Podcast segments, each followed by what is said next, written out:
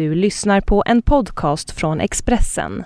Fler poddar hittar du på expressen.se podcast och på iTunes. Bar och politik i samarbete med Skandia.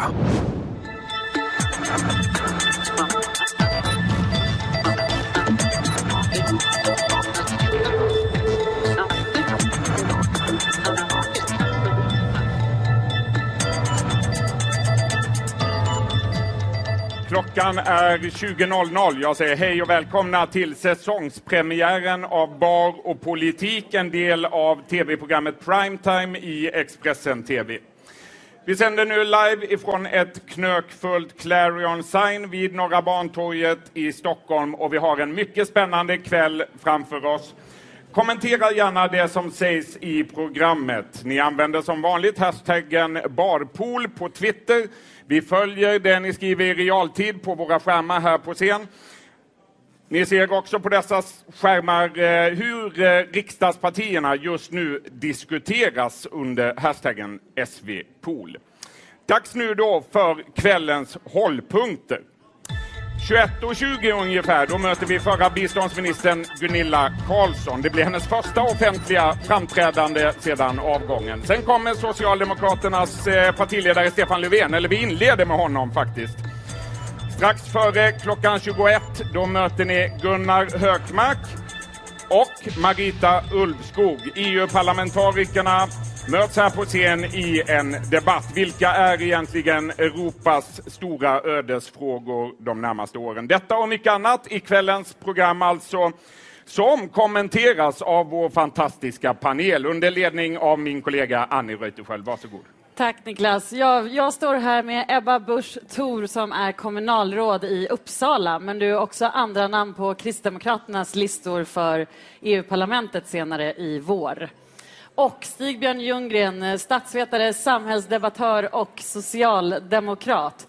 Som ni ser är det en, en plats som är tom här och det är Göran Greider, författare och samhällsdebattör och eh, chefredaktör för Dala-Demokraten. Han är alltså på väg i en taxi och ansluter så fort han kan. Varmt välkomna hit. Tack, Tack. så mycket. Tack. Vi ska börja med lite frågor till er. Ebba, vad förväntar du dig av eh, den här kvällen? Ja, framförallt, jag är extra nyfiken på för att höra debatten mellan Ulfskog och eh, Hökmark. Sen ska det bli spännande. Det är ju spännande för varje gång Löfven bestämmer sig för att öppna munnen och faktiskt leverera lite politik eh, och faktiskt ha någonting att diskutera utifrån. Så det ska bli intressant att höra. Stigbjörn, eh, du är en av våra mest aktiva S-debattörer. Eh, nu har vi högsta hönset här. Vad förväntar du dig eh, av Stefan Löfven ikväll? Ja, det ska bli intressant att höra då hur han utformar sina eh, sin förkunnelse om att alla ska upp tidigt på morgonen med blodsmak i käften och vänta på den kommunala omnibussen och åka iväg till eh, omsorgen och göra rätt för sig. Det vill jag höra. Vi har också Gunilla Carlsson här, förre eh, biståndsministern. Det är första gången hon eh, gör ett sånt här framträdande efter att hon eh, gick från regeringen. Eh, det spekulerades ju en del om regeringsombildningen, men det var inte många som trodde att Fredrik Reinfeldt skulle ändra på laget i år. Blev du förvånad, Ebba Busch? Ja, det var, oddsen var ju inte riktigt pekade ju inte i riktningen att det skulle bli en regeringsombildning, men, men jag tyckte att det var helt rätt att faktiskt våga göra en, eh, en nödvändig förändring på arbetsmarknadsposten och, och försöka få in lite nya krafter där. Att, Varför var den eh, nödvändig? Nej, därför att det, det, finns flera utmaningar där den förra arbetsmarknadsministern lyckades ta tag i en del av dem, men det var uppenbart att det kanske behövdes nya tag för att ta tag i de utmaningar som kvarstår, inte minst den turbulens som har varit kring arbetsmarknadsförmedlingen och, och så vidare. Mm. Blev du förvånad, Stig-Björn, att Gunilla Carlsson avgick? Nej, hon har ju suttit rätt länge på det där jobbet och det, det är ju en rätt tuff uppgift att försöka vända den där skutan. Och sen det där med arbetsmarknadsministern var jag inte heller förvånad över för att genom att göra så här så skapar man ju intrycket av att, att det var ministern som var problemet och inte politiken. Hur ska du beskriva svensk politik just nu? vid väntans tider. Man håller nu, valrörelsen har börjat så tillvida att man krattar manegen inför vad vi kommer uppfatta som de stora problemen, vad vi kommer uppfatta som fakta och, och sånt vi måste förhålla oss till när valrörelsen börjar på riktigt. Så att nu sätter man ramarna liksom för den politiska debatten. Vad är det som är problemet? Vad är det som är möjligheterna? Socialdemokraterna säger att det är åt helvete, vi måste ha nya tag och Alliansen säger att egentligen går det rätt bra. Ja, precis. I partiledardebatten igår så sa Göran Hägglund att Sverige är ett av de bästa länderna i världen att bo i och Jan Björklund tyckte att oppositionen smutskastar landet Sverige. Samtidigt säger oppositionen att det mesta är på väg att gå åt skogen. Vilka, vem ska vi tro på här, Ebba? Nej, men relativt sett så, så eh, talar ju alla siffror sitt väldigt tydliga språk. Sverige har klarat sig världsunikt väl genom eh, den, den, tuffaste finanskrisen sedan depressionen i början av 1900-talet. Eh, och vi har en, fortfarande en extremt väl utbyggd och i stora delar väl fungerande välfärdssystem. Så det är det inget snack om. Men vad jag tror Sverige behöver nu och vad jag tror att många väljare väntar på är inte mer av pragmatism. Vem kan vara ny? Vem kan vara lite nyare? Vem är supernyast? Eh, och hela det här dragspelet mellan S och M. Jag tror att man är ute efter en värderingsdriven politik som faktiskt vågar lyfta upp ja, men vad anser vi är ut, utmaningarna och vad är lösningarna på det? Och det har vi för lite utav i svensk politik idag. Är blockpolitiken eh, passé? Ja, jag är ganska trött på den, absolut. Eh, och jag tillsammans med mitt parti eh, ämnar leverera politik som, som försöker bryta den. Stigbjörn, regeringsfrågan har ju varit viktig historiskt i svenska val. Är det så fortfarande? Ja, alltså det är det vi är intresserade av. Vi blir ju mer och mer eh, liksom presidentinriktade. Vi vill se vem är det som ska leda Sverige. Är det den här Reinfeldt eller är det den här nya killen i Socialdemokraterna som ska bli liksom så, så, vi har den fixeringen. Men sen det är klart att, att eh, sen finns det ju någon slags eh, gravitationskraft som ligger i regeringsämbetet. En regering säger alltid att vi står för Sverige, vi hörde idag Reinfeldt prata om Sverige från 1600-talet och framåt som ett stort pussel. Va? Alltså, eh, och den som då säger någonting ont om, systemet är osvensk. Va? Eh, och det är ju det kortet som Socialdemokraterna alltid har spelat emot eh, borgerligheten som borgerligheten nu tagit över. Så, ja, sådant läder ska sådan smörja ha. Mm. Ebba, du säger att du är trött på blockpolitiken. I Tyskland ser det ut att bli Socialdemokraterna och Kristdemokraterna. Är det en möjlighet även här? Ja, det skulle ju bli att återupprätta gamla KDS i sådana fall, om KD och S skulle gå ihop. Eh, men jag, jag, tror inte att det är särskilt aktuellt. Eh, vi, vi, står lite för långt ifrån varandra i många grundläggande eh, värderingsfrågor, inte minst synen mellan stat och individ.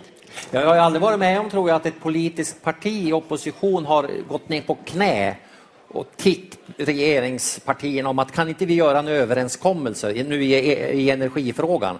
Alltså gång på gång har man försökt tigga om den här för Sveriges väl, för industrins väl, för medborgarnas väl och de blir örfilade varje gång. Så, här, så det är nästan en sån här machistisk eh, inställning. Men det är klart, det finns ett budskap i det. Det är vi som är för samverkan, de här andra är grinskallar.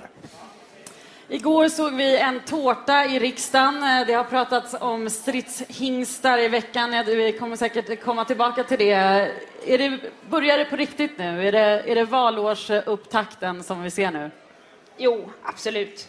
Ja, det, får man väl, ja, det är alltså, väl ändå överens om? Ja, upptakten så tillvida att man försöker bestämma vad som kommer att vara de grejer vi ska diskutera. Alltså, vi är inte inne i valrörelsen än, utan Nej. i förberedelserna på vad är det som är problemet. Spelplanen är ju alltid så enormt stor, så utmaningen ligger ju i att avgränsa spelplanen. Vart vill vi föra den politiska debatten någonstans? Och det, det är väl det revirpinkandet som vi ser starten på nu. Varje valrörelse är speciell. Stigbjörn, vad tror du kommer skilja årets från eh, de tidigare?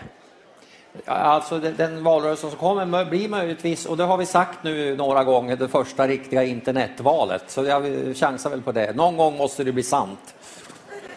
Tack för det Stigbjörn och Ebba. Vi återkommer såklart till er under programmets gång. Eh, jag ska lämna tillbaka till Niklas. Ja, tack för det Annie.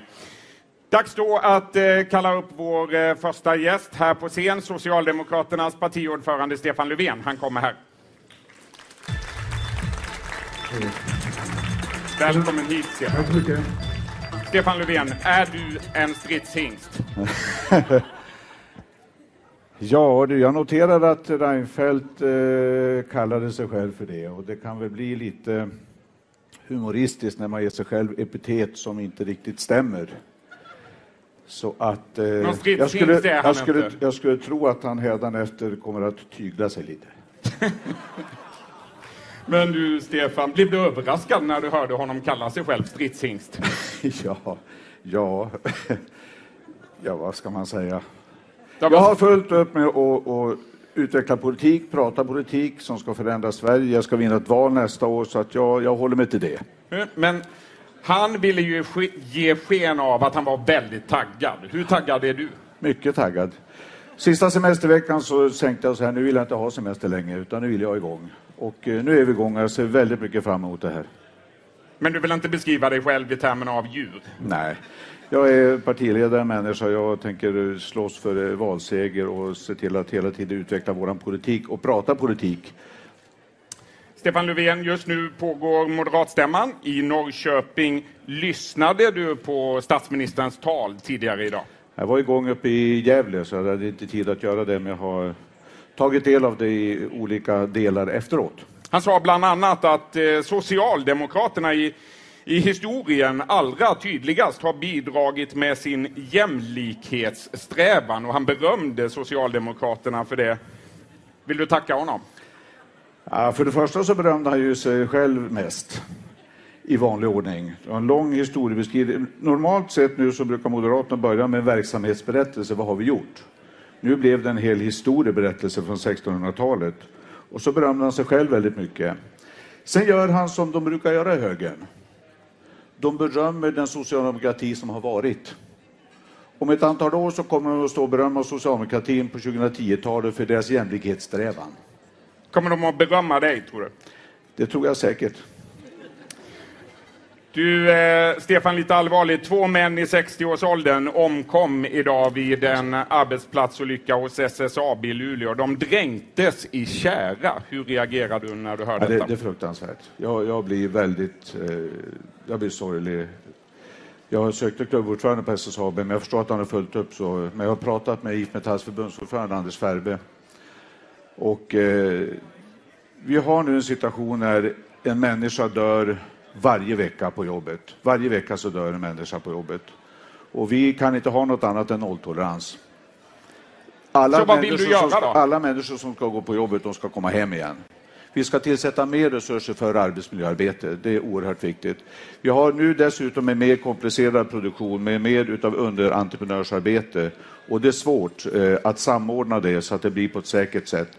Nu vet vi ingenting om eh, om den här olyckan i sig, men det är en försvårande omständighet där vi har mycket svårare att klara bra skyddsarbete när man läggs ute på underentreprenörer och under underentreprenörer. Och därför ska vi ha mer resurser till arbetsmiljöarbetet. Därför ska vi ha ett arbetslivsinstitut, arbetslivsforskning, som kan ta reda på mer varför, hur man kan under, undvika arbetsmiljöolyckor och speciellt eh, dödsfall. Du, Stefan Löfven, på Expressens debattsida idag, sidan 4, upprepar du löftet om att Sverige ska ha lägst arbetslöshet i EU 2020. Varför 2020 och inte valåret 2018? Det här är en väldigt tuff målsättning. Sverige har en stark ekonomi och det är oerhört bra. Det är en bra utgångspunkt. Men vi är mediokra när det gäller arbetslöshet och sysselsättning. Vi ligger på en åttonde, nionde plats. Österrike som ligger bäst till i EU, de har 4,8. Så det här innebär att om vi skulle haft hälften, eh, eh, den lägsta i EU så skulle vi haft hälften av vad vi har idag. Det här tar tid. Men vi sätter upp ett mål. Regeringen har inget mål. De säger att de inte ens kan sätta upp något mål. Vi säger att inte bara kan, utan man ska sätta upp ett mål, ett stentufft mål och så ska vi fokusera på det. Och det är därför alla krafter ska dra mot den lägsta arbetslösheten i EU 2020. Vilken nivå räknar du då med 2020? Snackar vi 2% 3% 4% Alltså, vi har utgått från hur det ser ut just nu. Att, uh, har vi kommit dit har vi kommit en bra bit på väg. Men vi ska till full sysselsättning. Det finns inget annat som gäller. Alla människor som kan ska också vara i arbete. Så det här är ett delmål. Det är tufft. Men det gäller att ha ett mål och fokusera på det och sen avsätta resurser för att det ska bli verkligt. Men vad betyder det? 4 procent? 4,8 Jag vet som inte idag? dessutom, men jag säger så här, den som har lägst idag det är Österrike, de ligger på 4,8. Varför inte jämföra sig med Norge istället som har 3,5? Vi sa lägst i EU och Norge är inte med i EU. Exakt, men Ja. varför inte jämföra sig med Norge istället som har lägre arbetslöshet? Vi sa lägst i EU, vi har valt det utav ett skäl och det är för att vi tillhör EU. Där har vi de spelregler som gäller och, och det, är då, det är vi som mäts mot varandra, så att vi har valt EU.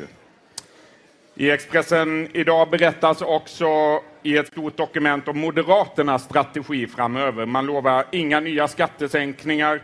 Istället ska det satsas på välfärd. Vad betyder det för ditt och Socialdemokraternas budskap om att välfärd står mot sänkta skatter? Det stämmer ju inte Får längre. vi ett val om välfärd så tackar jag för det. Det är väldigt, väldigt bra det. Där är vi oerhört starka. Så väljer de det så är det bara att tacka och ta emot. Men det är inte så som du säger. De säger inte att de ska avstå från skattesänkningar. Det han möjligtvis säger att den tror inte 2015. Men det där är ett icke-besked och jag förstår egentligen inte varför det har slagits upp så stort. De har i sina stämmohandlingar inte bara att man ska sänka, fortsätta sänka med jobbskatteavdrag, utan vi ska fortsätta sänka bolagsskatter och ägarskatter. Så det är prioriterat för Moderaterna. De kommer att fortsätta skatter, de kan inte låta bli. Sådana, sådana är de. Du, det är tredje gången du deltar i det här tv-programmet, Bar och politik. Ja. In, inte tredje gången gilt, hoppas jag. Eh, men vi ska titta på hur det såg ut eh, när du gästade det här programmet i maj förra året. Ja. Då sände vi från Hilton vid Slussen i Stockholm och du fick bland annat kommentera Fredrik Reinfeldts partiledarstil. Varsågoda. Ja, eh, ja Fredrik Reinfeldt är ju, är ju lugn och, eh, och eh, på det sättet eh, inger han väl ett förtroende. Så det, och det respekterar jag. Jag respekterar honom naturligtvis mycket som kollega och, och, och medmänniska, absolut. Att jag tycker han har fel politik det är en annan sak. Men, men eh, det, det är väl det, är väl det, Det finns som de som menar att ni är ganska lika till sättet. Ja, det finns de Kan som du säger förstå det. jag vet inte, jag vet inte alls. Det, det får andra bedöma. Jag tänker inte bedöma det. Du har inte medvetet kopierat delar av hans Nej, du, retorik du, du, du, du, det finns en sak som är, är, svårt med mig, då göra om mig, det kan jag säga. Ja, Utan jag är som jag är. Du är som du är, Stefan Ja. Löfven. Ja. Men du, eh, du nämnde här att han var, att han var lugn och sådär. Jag såg ju partiledardebatten i Agenda, inte var ni lugna där. Nej, det bör hetta till lite och det är bra det. Det ska hetta till lite. Hur tror du att väljarna uppfattar det när ni blir upprörda på varandra? Ja, att det blir lite, lite känslor och engagemang, det, det tror jag nog eh, väljarna uppskattar. Det har de inget emot. Det som inte blir bra, det är om vi börjar prata i mun på varandra för mycket. Det kan hända självklart i ett replikskifte, men blir det för mycket av det så tror jag inte väljarna uppskattar det. Det behöver inte vara negativt att man skäller på sin motståndare. Ja, skäller man ska... alltså, Att det blir ett litet högt tonläge, det här gäller mycket. Vi vill vinna och så är det för oss allihopa. Så det är klart att det blir högt tonläge, det, det, tror, jag, det tror jag ingen har något emot. Poängen är, det viktiga är, man måste visa respekt. Om vi har ett tufft meningsutbyte så, så ska vi visa varandra respekt ändå som människor. Det, det är min grundhållning. Fredrik Reinfeldt, han har snart varit partiledare i tio år. Har du ambitionen att vara partiledare lika länge? Ja då. 15? Ja, det, det ska inte gå Du- för långt. Gränsen går någonstans där mellan 10 Ja, och vi, får 15. se, vi får se.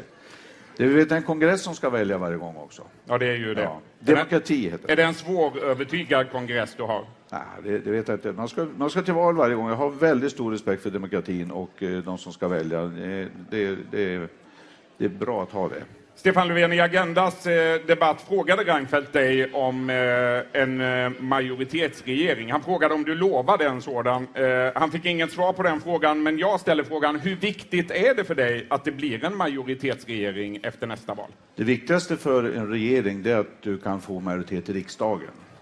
Får du majoritetsregering så är det naturligtvis ännu starkare, men du måste kunna hantera i riksdagen. Socialdemokratin har en lång, lång erfarenhet av att ha minoritetsregering, men förhandla fram majoriteter i riksdagen. Endera i samordnat samarbete som med Centerpartiet i slutet på 90-talet, med Vänstern och Miljöpartiet i början på 2000-talet, med Folkpartiet i skattefrågan, med flera partier i försvarsfrågan.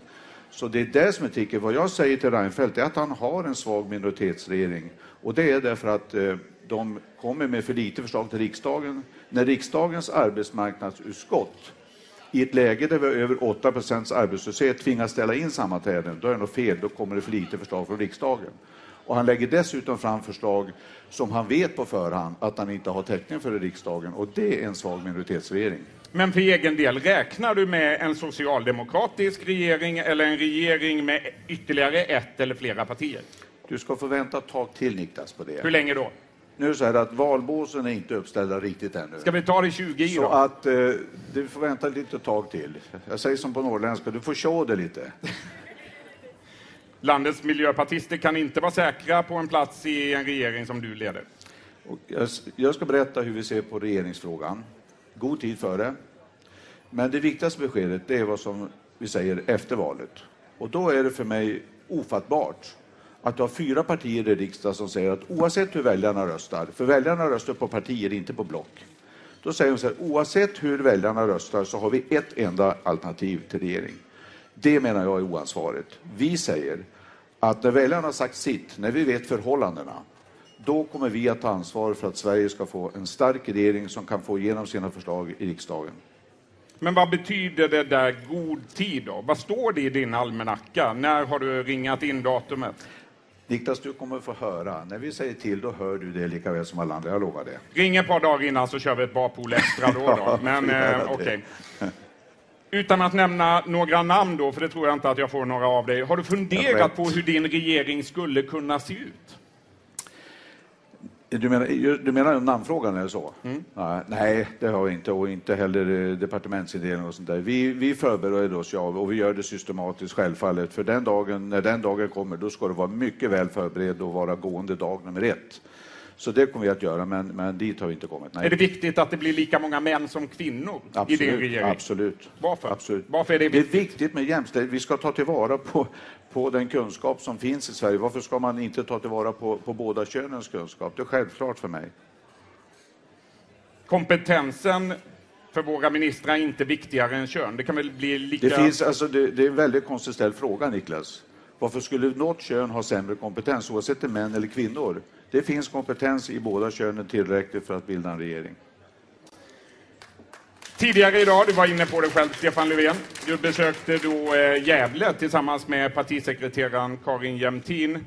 Valkampanjen, ja. den är uppenbart i full gång nu. Mm. Eh, vad gjorde ni i Gävle? Vi var först på en förskola som heter Uppfinnaren och träffade så små medborgare. Och eh, det är en fantastisk upplevelse. Man blir så glad när man träffar de här små. Vad är det som gör dig glad? Ja, det, är, det, är så, det, är sån, det är sån liv, det är sån energi, det är sån glädje. Så att eh, det tankar man energi för flera dagar. Eh, fick ta del av Lyckades det. du övertyga dem? Förlåt? Lyckades du övertyga du, dem? Vi hade helt andra verksamheter först. Vi byggde, vi byggde med sådana klossar så högt som det någonsin gick och några byggde med gamla, var det färgburkar Karin? Vad var det de hade? Som skulle, som skulle ställas upp och sen rivas ner. Så vi hade lite annan verksamhet för oss kan jag säga. Sen var vi på ett sjukhus och sen har vi på högskolan. Du, vi ska prata lite skatter också, tänkte jag. I augusti sa företrädare i partiets verkställande utskott, i partistyrelsen och i kvinnoförbundet att partiet borde ta tillbaka regeringens sänkning av inkomstskatten, det femte jobbskatteavdraget, vid en eventuell valvinst nästa år. De 12 miljarderna behövs bättre på andra håll, sa kritikerna. Hur fick du dem att ändra sig? Vanliga löntagare ska ha eh, långsiktiga spelregler. Det, det, är min uppfattning. Vi tar striden emot detta för vi tycker att pengarna går att använda till någonting annat, till något mycket bättre. Regeringen använder största delen av reformutrymmet till skattesänkningar. Vi lägger största delen till jobb, skola, matchning och att förstärka den svenska välfärden. Så det finns två klara alternativ. Är det dock så att det där införs, ja då har det kommit in i hushållskassan och då har man haft det ett tag och då tänker inte vi rycka bort den för de som tjänar 60 000 och under. De som tjänar mer, där trappar vi ner så att du tjänar uppåt 115-120 000, då ska du inte ha något jobbskatteavdrag enligt vår uppfattning. Men Stefan Löfven, 97 procent av Sveriges löntagare tjänar ju under 60 000 kronor. Varför sattes gränsen där? Ja, det hade kunnat vara något helt annat. Det är inte vetenskapligt uträknat, utan vi satte den där för att eh, vi, vi, tyckte att där låg den faktiskt rätt bra. Det är inte och, vetenskapligt det ger, det, ger, det, ger, det ger över en miljard, alltså det är mycket pengar. Det ger över en miljard kronor, så det är mycket pengar. Men du säger att det inte är vetenskapligt uträknat? Nej, det är inte Men hur kom ni fram uträknat. till summan 60 000 i månaden då? Ja, det, det, var det var vi bestämde oss för. Någonstans skulle du bestämma det och då tog vi 60 000 kronor. Varför inte 70 000? Nej, det, då tyckte vi att det var för högt. Någon tycker att 60 000 är för högt. Någon tycker att 50 är för högt. Någon tycker att 40 är för högt. Vi satte den på 60 000. Inför den här eh, utfrågningen mejlade jag en massa förtroendevalda politiker runt om i landet. Jag bad om förslag på frågor till dig. Eh, vi ska ju om en liten stund eh, debattera EU här på scen. Vilken fråga anser du är viktigast att driva i EU de närmaste åren? Ja, i princip är det samma sak som, som här hemma. Det är jobb. Hur använder vi den europeiska kontinenten, rättare sagt den europeiska unionen, för att skapa så mycket jobb som möjligt? Vi måste ta kontinentens kraft för att kunna hävda oss mot USA, mot Kina, Indien, Indonesien och alla andra storspelare. Eh, och då är det hur vi satsar gemensamt på utbildning, infrastruktur, forskning, innovation. Det är EUs grunduppgift. Sen är det att se till att när vi nu har en, en arbetsmarknad som, som omfattar det här området så ska den arbetsmarknaden ha schyssta villkor. Det är inte okej okay att vi ska i Sverige, eh, löntagare ska behöva eh, tumma på sina kollektivavtal och du ska ha en press neråt på villkor. Det är inte det som är vägen framåt.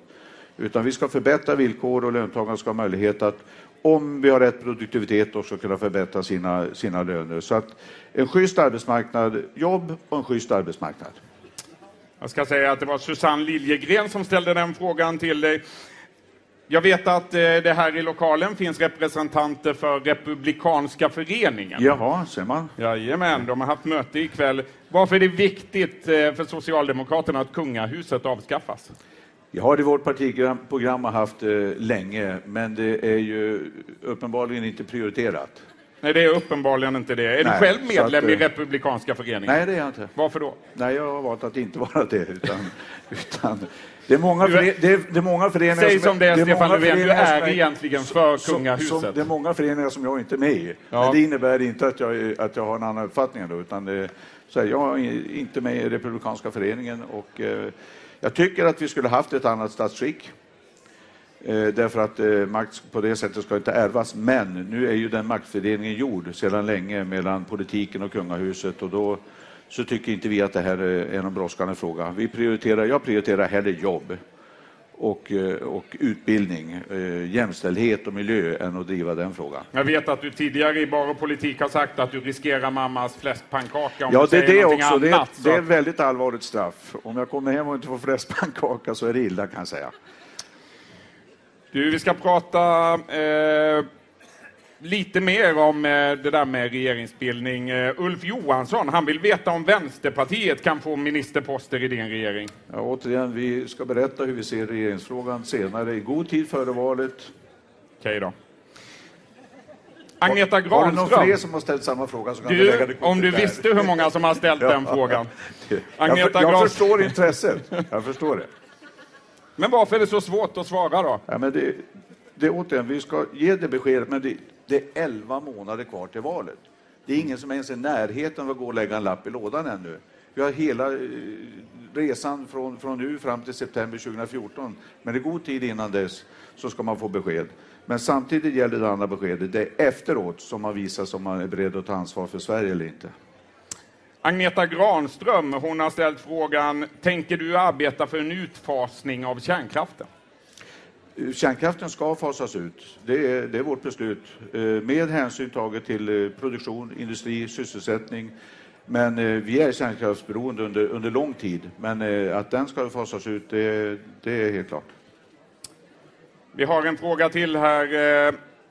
Peter Weiderud, ordförande för Förbundet Socialdemokrater för tro och solidaritet. Han tycker att eh, flyktingar ska kunna söka asyl på svenska ambassader utomlands, men det vill inte du. Nej. Varför då? Det skulle bli ohållbart eh, på de ambassaderna också. Utan vad vi pratar om är att vi ska stå upp för en, en tydlig flyktingpolitik där vi ger människor skydd som kommer hit.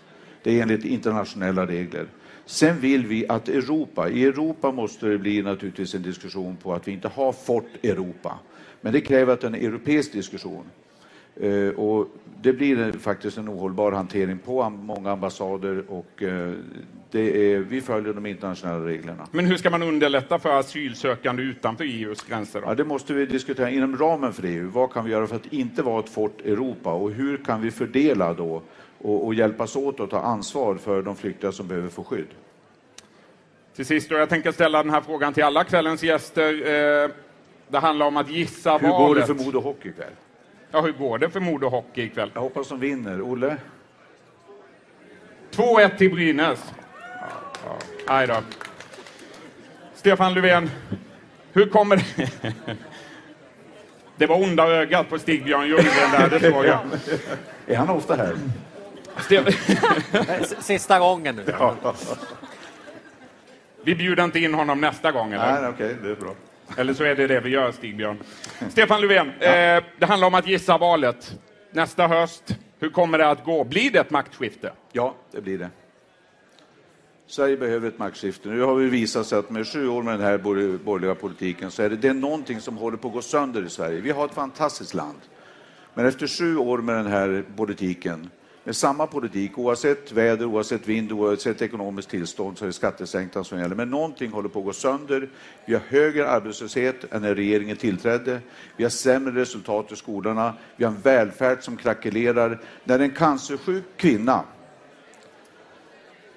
när hon dör så har hon en månad före sin död fått ett besked från Försäkringskassan att du är utförsäkrad nu. Tack och hej. Så ska vi inte ha det i Sverige. Utan vi ska ha en sjukförsäkring som faktiskt är, är etiskt, moraliskt riktig och det ska vi tillbaka till.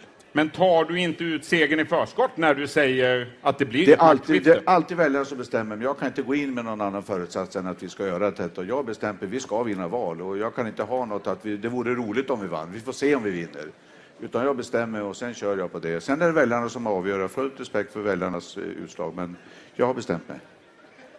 Hur tänker du nu lägga upp valrörelsen då? Och när startar den på riktigt? Vi eh, går in i ett kampanjskede nu när budgetmotionen är lagd och när, nu behandlas det där i riksdagen. Och sen när vi väl nu har gjort det så går vi in i ett kampanjskede. Det innebär ju inte att en valspurt från november och, och, och hela, hela 2014 fram till den 14 september, men vi går in i ett annat skede nu och eh, sen tar vi då naturligtvis EU-parlamentsvalet här i, i vår och sen är det riksdags-, kommun och, och landstingsvalet. Så att det blir allt mer av kampanjskede. En del menar att eh, Europaparlamentsvalet i maj nästa år kommer att bli den viktigaste opinionsmätningen inför riksdagsvalet nästa år. Håller du med om det? Jag är inte så säker på det. Man ska nog avvakta och se vad det är för situation och också vad Europaparlamentsvalet kommer att handla om. Så att, eh, det är för tidigt att, att säga något bestämt om, om hur det avsätt, sätter avtryck. Det kan göra det, men det är inte säkert.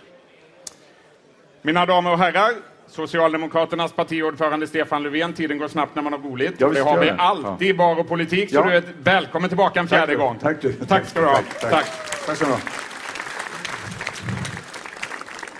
Vad säger ni på Twitter?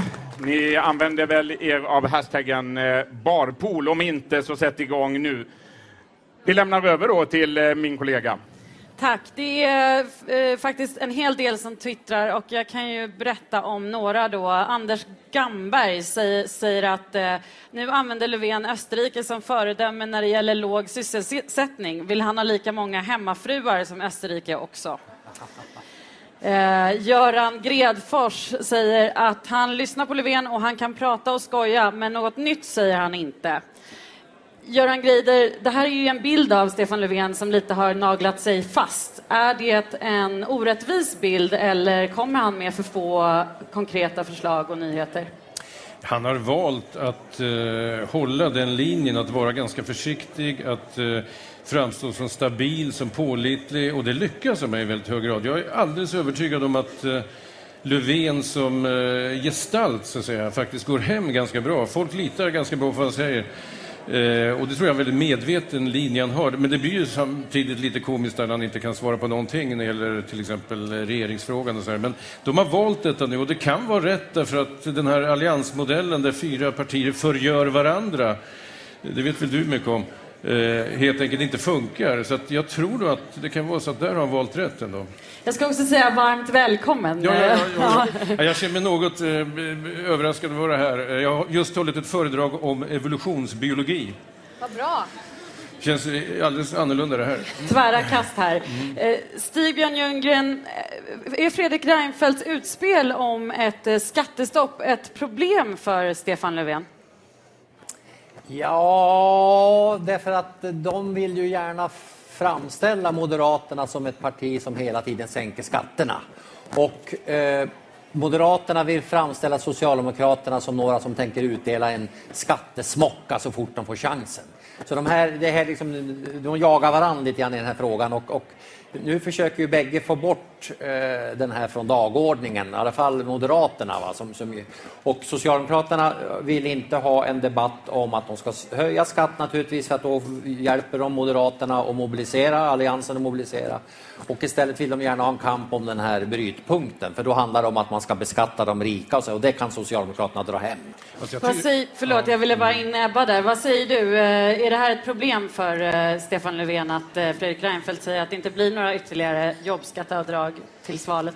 Alltså, det verkar ju inte vara en, ingenting verkar ju vara ett problem för Stefan Löfven. Därför så länge man kan få lov att vara en tiger med ränderna på tvären som duckar ifrån två frågor, och nämligen frågan hur och när så är inga politiska utspel något problem. Uppenbarligen så har man kunnat säga sig vara mot ett femte jobbskatteavdrag, men samtidigt får vi makten, då kommer vi vara för ett femte jobbskatteavdrag och låta det vara kvar. Så ingenting verkar ju vara ett problem. Det går att jobba med allt. Göran Greider, har, har, han målat in, och Socialdemokraterna målat in sig i ett hörn här när det gäller femte jobbskatteavdraget? Alltså jag tror inte att det är ett problem detta att eh, Reinfeldt har deklarerat ett skattestopp, därför att i sju års tid har Alliansen och Moderaterna sänkt skatterna. De är, det står inbränt på deras eh, kroppar att de är skattesänkare. Det kommer aldrig gå ur dem. Det kommer att stå på deras gravstenar.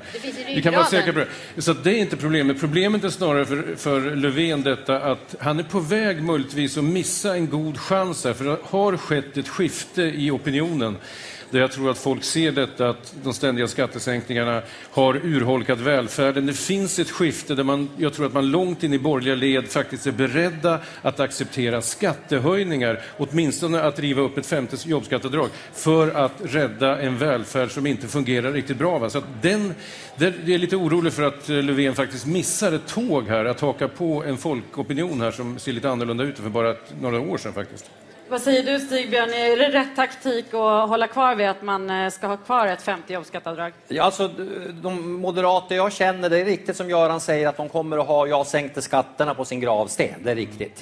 Men just nu så ligger de i förbön för att socialdemokratin ska ta ställning för att riva bort det här femte skatteavdraget. Varför? Därför att de vill ha en fråga att mobilisera på. Så just nu, Göran, hatar Moderaterna mig och de älskar dig och hoppas att du får rätt. För med din, ditt förslag till, till Socialdemokraterna så kommer de ja, äntligen var, att få en fråga och få lite fart. Ja, för de gör alltså, inte den där analysen nu. Ja, men Stigbjörn, alltså, du vistas i en värld av politiska kommentatorer. Du lever i det politiska kommentariatet. Var du lever där, du? Jo, du menar detta att eh, du helt enkelt inte har märkt av det här stora skiftet som ägt rum i vad ska vi säga, breda opinioner där det faktiskt finns nu tror jag en beredvillighet hos stora grupper långt in i borgerligheten att acceptera skattehöjningar.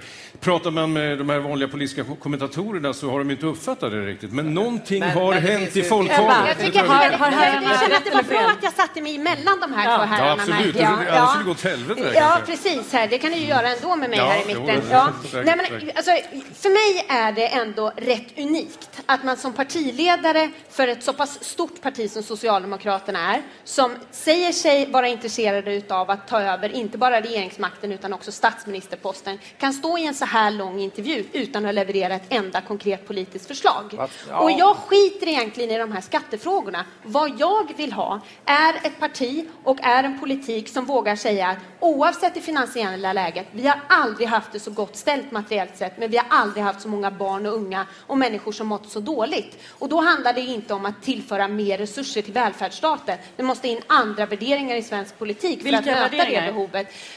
En, en politik som ger utrymme för människor att inte bara arbeta för att arbeta ihjäl sig, utan arbeta för att försörja sin familj och sig själva och faktiskt ha utrymme och tid att, att umgås. Ja, det, det, det, det, behövs. Det behövs. Men det där är ju ett recept för, för ett 4 parti. Nej, jo, jag tror att det är Ni bevisar ju det varje dag. Ni det, ligger ju under. Det är ett recept för ett 12 parti. Ja, men vi har varit med i mycket av de här skattesänkardiskussionerna och så vidare. Mm. Men jag levererar ju precis det du efterlyser. Mm. Inte en politik som bara pratar ekonomi, jag, utan som pratar jag, om det där. Ja, jag vill gärna prata ekonomi. Det vill säga, jag tycker att det är rimligt att säga nu i det läge vi har med en krackelerande välfärd att skatterna måste på sikt långsamt höjas. Någon annan lösning finns inte här. Men Göran, men Göran, ja, men alltså, eh, Ebba, det Ebba säger nu, det håller väldigt många svenskar med om. Alltså, det finns en, en stor grupp svenskar, en stark opinion för just det här som hon säger. Ändå har de under 4 procent. Vänsterpartiet, de vill satsa på höjda skatter. De har lite mer, de har 5 procent. Och det tror jag visar lite grann problematiken med, med, med den linje du förespråkar. Och det är inte säkert att bara för att man säger vad folket tycker att någon röstar på en. Men, men, Det- men har Göran rätt vill i jag- att välfärden börjar bli eh, viktigare än Ja, eh, välfärden, jag jobben? händer välfärden var det viktigaste hela tiden och därför Moderaterna vann val, Alliansen vann valet 2006. Mm. Därför att folk fick för sig att de skulle kunna förbättra välfärden för mindre med pengar. Jag vill, jag vill protestera mot en sak här, det är att ingen har lyssnat på vad, vad den här nya killen i Socialdemokraterna säger flera gånger. Han sa i den här agendadebatten att han hatar blockpolitiken, att han, blockpolitiken fördummar. Det han sa här tolkar jag som att han vill ha en regeringsbildning vid, utanför den nuvarande blockindelningen. Det tycker jag är rätt intressant. Jag har aldrig hört en partiledare i Sverige säga att blockpolitik fördummar. Ska vi ta honom på allvar så är det rätt intressant. Får vi se en regering med Folkpartiet, Socialdemokraterna Ja, eh, jag och menar, eh, Miljöpartiet? Om du tyckte det där var intressant, då har du inte höga anspråk i livet på vad som är intressant, måste jag säga. Det är ju helt otroligt. Nej, det har jag verkligen inte. Nej, okej, då, då är vi överens där i alla fall. Men vad hade du för fråga där? Eh, ja, eh, är det troligt att vi får se, om nu Socialdemokraterna går bra i valet, eh, en regering med Folkpartiet och Miljöpartiet till exempel? Alltså det, det är verkligen så att ett alltså känslan är fundamental här av att det är total ovisshet om hur det kommer att bli. Det är så många faktorer. Hur skulle du må om det blev en folkpartistisk, socialdemokratisk Ja, hur jag mår spelar väl ingen större roll, men jag vet ju att då får Löfven ett stort problem på halsen därför att det är väldigt många av hans egna väljare som skulle gå i taket och, med, om det gäller samregering med Folkpartiet till exempel. Mindre i taket går dessa kärnväljare om eh, han regerar med Miljöpartiet eh, och Vänsterpartiet. Så det, det finns en stark eh, laddning i det här med att sätta sig i samma regering som Folkpartiet. Det tror jag definitivt att det gör. Alltså. Kärnkraften är ju en fråga där som skulle bli intressant. Eh, Vi Ja, fick det inga direkta svar från Stefan Löfven här idag om kärnkraften. Eh, Är han för luddig, eh, Stigbjörn, Nej, när det gäller jättetydligt. Han säger ju att kärnkraften ska avvecklas, men i den takt som eh, svensk näringsliv och välfärd kräver. Jag tycker att det har de sagt i alla tider, egentligen sedan folkomröstningen. Och dessutom, eh, jag fattar inte det babblet om kärnkraft. Alltså, hur länge ska vi hålla på och tjata om det här? Det är precis som vi är tillbaka till 70-talet, eh, oavbrutet. Eh, Alltså, eh, och, och det här med att, att det inte skulle gå att regera tillsammans med Miljöpartiet i kärnkraftsfrågan, det har de ju gjort. Men s- Miljöpartiet var ju med och byggde ut, utökade kapaciteten i svensk kärnkraft när, Göran Persson satt som statsminister. Så what's the problem? På Twitter så skriver Thomas Bruno att eh, Löfven visar dålig politisk kunskap när han säger att väljarna inte röstar på block. Minns kamrat 4 procent som höll VPK i riksdagen, nu är vi tillbaka på i gamla tider. Men eh, håller du med Ebba? Eh, röstar väljarna på block? Det har ju blivit uppenbart att med åtta partier nu i riksdagen så tittar människor eh, och, och väljare mycket på vilka de, de, de stora företrädarna eh, är. Men jag tror att eh, du säger att ja, men vi står för den här politiken och även om man säger den politiken som, som människor vill höra så kanske man fortfarande inte når över 4 procent. Ja, fast mycket av problemet är ju att vi fortsätter att diskutera, alla andra partier fortsätter att diskutera det S och M diskuterar. Den gamla folkparti eh, eh, folkpartikampanjen, det är för mycket S och M i, i svensk politik. Att vi utgår ifrån den planhalvan hela tiden. Om man skiter i det och gör lite grann mer som ändå Miljöpartiet nu lyckas med, driver sin egen linje, stakar ut sin egen planhalva, eh, då tror jag att det går att göra sig hörd i den svenska debatten. Och jag tror att det finns många väljare som vill ha något annat än S och M. Fast man får nog skilja mellan det här. Jag tror eh, de flesta medborgare lägger nog inte rösten efter vilket eh, regeringsalternativ som finns där. Alltså regeringsfrågan är en sak. Sen finns det ju naturligtvis, alltså jag tror att folk lägger rösten, eh, man vill hitta ett rationellt val som passar den egna övertygelsen och då tittar man på partier. Alltså jag tror att den här modellen med fyra partier som samarbetar i en, allians, jag tror att den har spelat, den är överspelad nu. Jag tror att vi kan konstatera det att eh, i nästa valrörelse kommer det inte att väga så tungt om Reinfeldt tjatar om regeringsfrågan och majoritetsfrågan så att säga. Där Det kommer- tror jag du har fel. Nej, jag tror att det, för det tror jag inte människor bryr sig om riktigt på samma sätt längre. Stigbjörn Ljunggren, vad måste Löfven göra nu om han ska vinna valet? Nej, Alltså, det, det, det enda han behöver göra är att fortsätta att vara en, en uh, arbetarkille eh, som vill ha Sverige i, i arbete. Tack Alltså, för det. ja. Eh, Det blir ett kort svar på det, för nu ska vi gå över till EU-debatt mellan Gunnar Hökmark och Marita Ulvskog. Härlig går panel. tillbaka till dig. Stort tack för det. Ja, precis som Annie sa, dags nu för eh, debatt här i Bar och politik. Välkomna upp på scen säger jag till eh, Europaparlamentarikerna Gunnar Hökmark och Barita Ulvskog. Välkommen. Välkommen. Jag vill ha er på varsin sida. Står jag i mitten.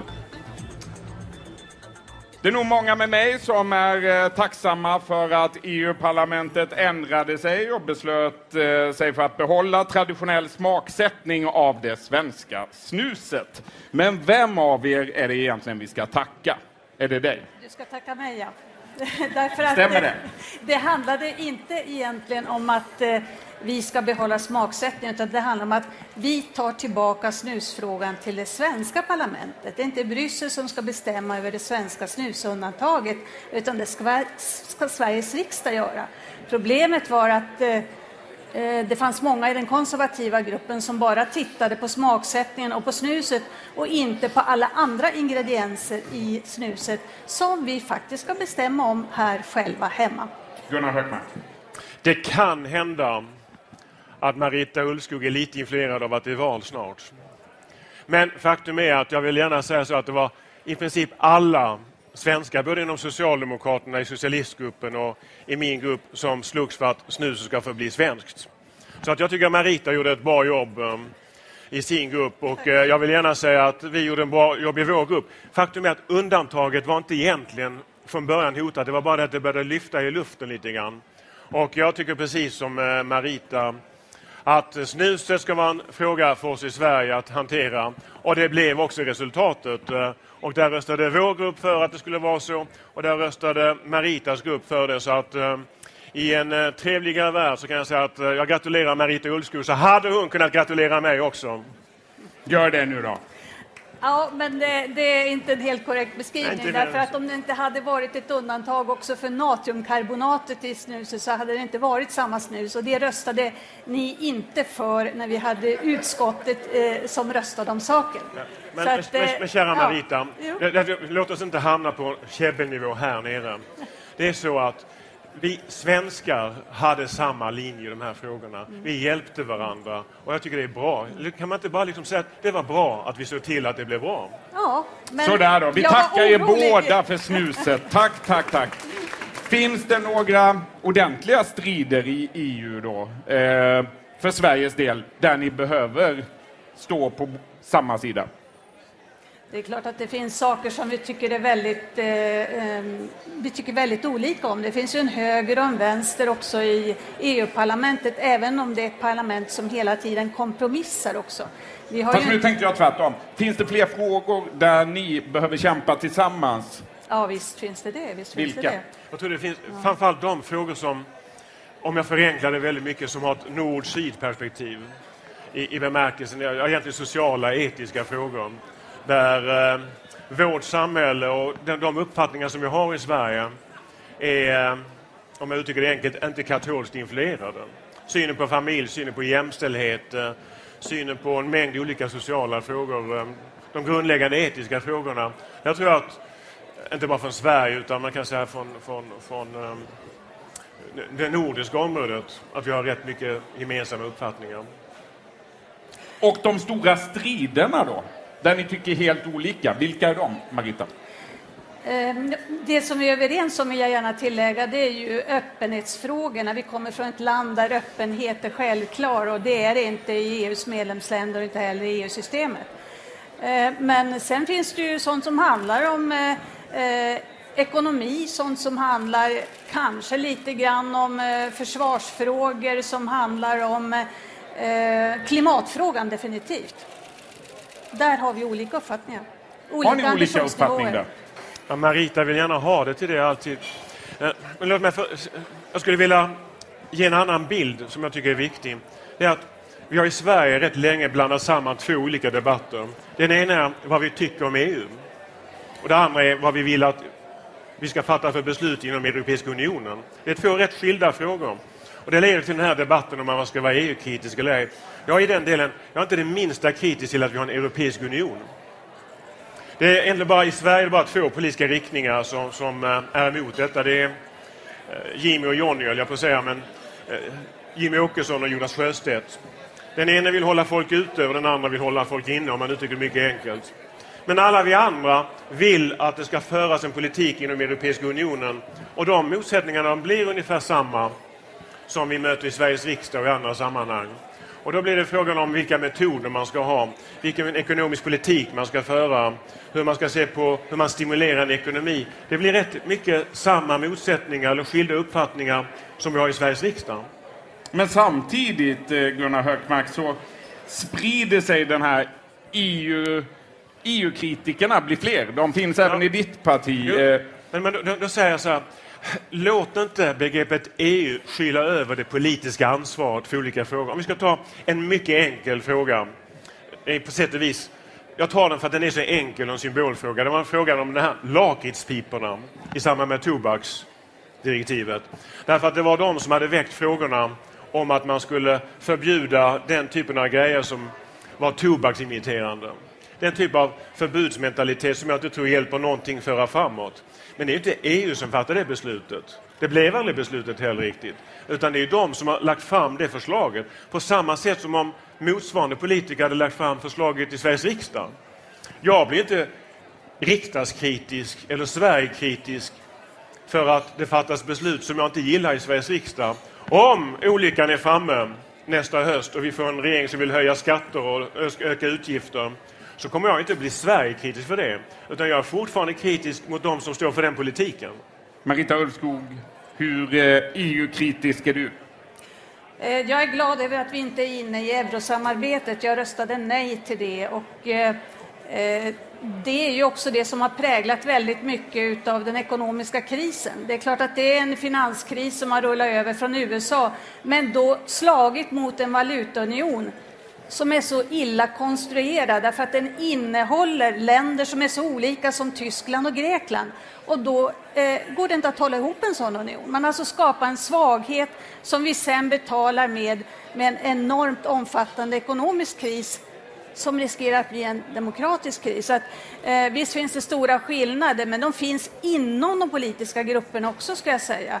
Det finns eurokritiker i, eh, i eh, eh flera utav de eh, politiska grupperna, även i min, men det finns också euroentusiaster i alla grupper. Det har gått eh, tio år och en månad sedan ni stod på varsin sida i frågan om EMU, som du nämnde nu. Eh, I den svenska debatten är det i princip bara Gunnar Hökmark här, Carl B Hamilton, Carl Bildt, möjligen Göran Persson då, som fortfarande driver på för ett svenskt inträde. Gunnar Hökmark, vad har Sverige missat genom att stå utanför eurosamarbetet under de här tio åren? Ja, jag skulle nog ändå vilja göra ett förtydligande. Vi är några fler än de fyra du nämnde. Några, några till kanske ni är. Men, men, Ja. men jag håller med om att det är lite uppförsbacke just nu. Eh, och det tror jag beror lite grann på att så många har skyllt krisen på euron och glömmer att i Storbritannien har man inte euron. Men där lyckades en Labour-regering köra ekonomin i botten. I USA, där man har en betydande kris just nu, har man så vitt jag vet heller inte euron. Och så vidare. Och sen så finns det väldigt många ekonomier inom euroområdet som är välskötta. Jag tycker att man ska fundera lite långsiktigt om det är bra eller ej att ha olika valutor. Och om det är bra eller ej att ha bättre styrmedel. Jag kan hålla med Marita om en, en viktig grej. Och det är att jag tror att eh, valutaunionen måste ständigt förbättras och vi måste lära oss av erfarenheterna. Och där är nog paradoxen är att eh, euron som sådan, när vi kommer ut ur krisen, det, är jag rätt övertygad om vi kommer att göra, kommer vara en mycket starkare valuta än den var innan. Och jag vill gärna säga att för Sveriges del, och det här låter hemskt, eh, och då kan du säga att det är bara Carl B Hamilton och Carl Bildt och Göran Persson som håller med mig. Men det är några till. Det är faktiskt svensk industri hade idag kunnat skapa fler jobb om vi hade haft den gemensamma valutan. Liksom man gör i Tyskland. Och solen Håller du hade- med om det? Och solen hade skinit varje, skenet varje dag. Eh, jag menar, det Ja, där det vill jag kan- låta vara osagt därför att det, det- det är inte helt Nu låter vi Marita svara. Det intressanta med eurosamarbetet är ju, och det handlade egentligen den svenska eurodebatten om, det är ju inte bara en ekonomisk fråga, utan det handlar om att ska man få den där valutaunionen att fungera, då måste man ha ett väldigt, väldigt tätt ekonomiskt samarbete, politiskt samarbete. Och det innebär att man måste frånhända sig väldigt mycket utav nationellt beslutsfattande. Det blir nästan ingenting kvar.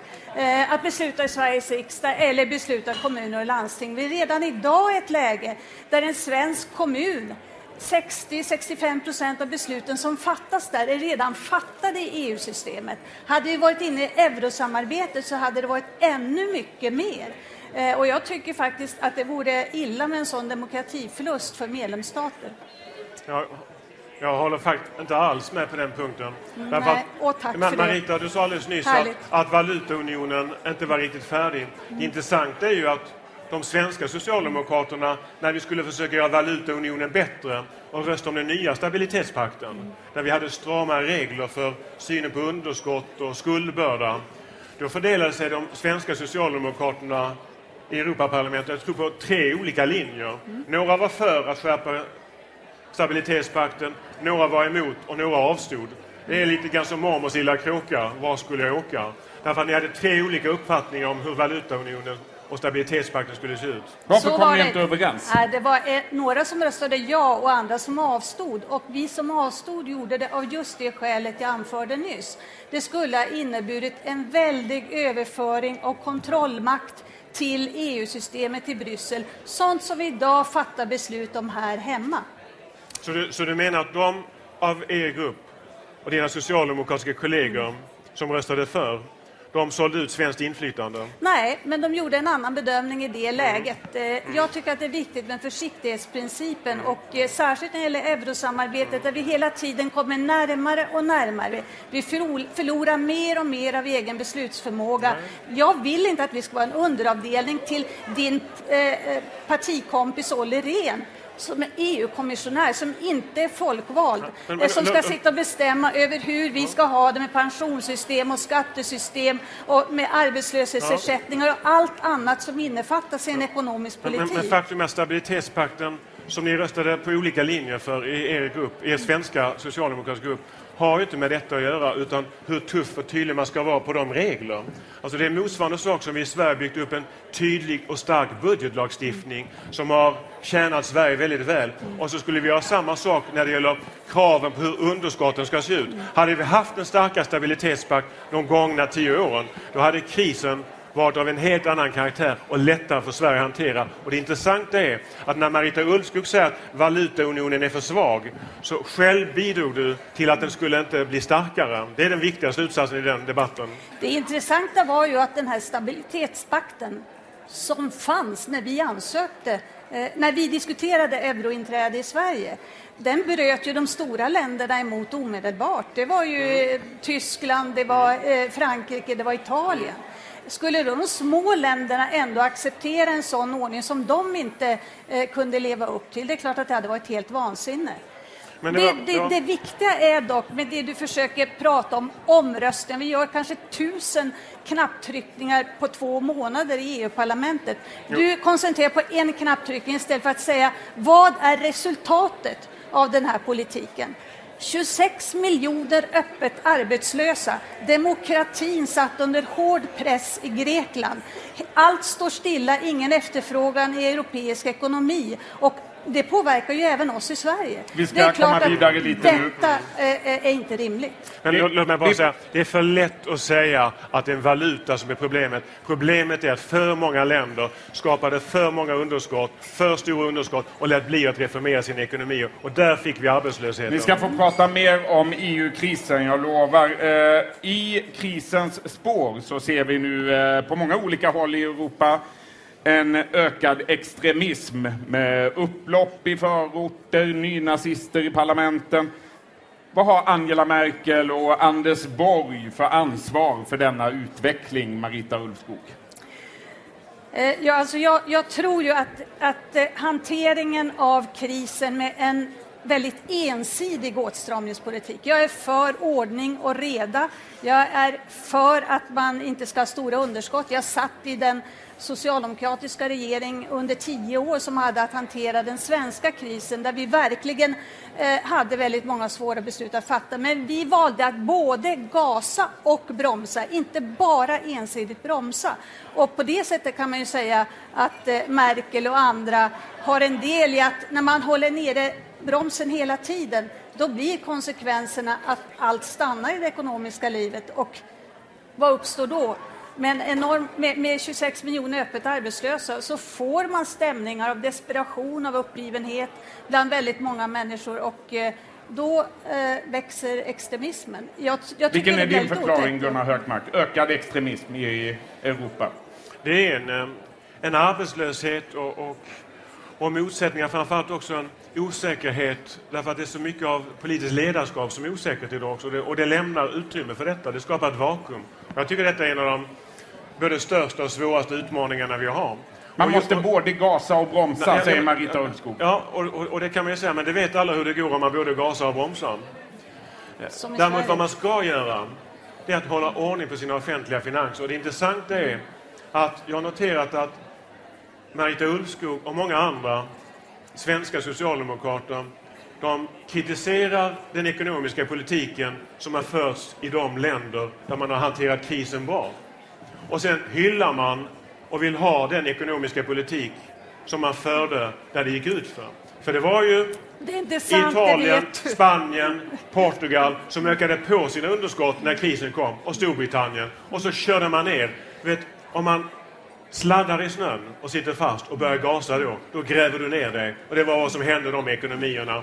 Och det var till och med så att de svenska socialdemokraterna i Sveriges riksdag, de höll fram Spanien som en modell. Så borde vi gjort i Sverige också, sa de. Hur svarar du på det där? Jag kan inte svara för vad de gjorde i riksdagen, men eh, det vi har gjort i mitt parti här hemma och det vi har gjort nere i Bryssel, vi svenska socialdemokrater, det är att vi har sagt låt oss se till så att vi klarar både att bromsa och få ordning och reda, skapa starka samhällen där man har eh, skattesystem som fungerar, där man har rättvisa institutioner, där man inte har korruption, eh, så att man faktiskt kan få in de där skatterna och fördela dem så att människor tycker att det är meningsfullt att betala dem. Vi arbetar för detta, alltså gasa, bromsa, ordning och reda.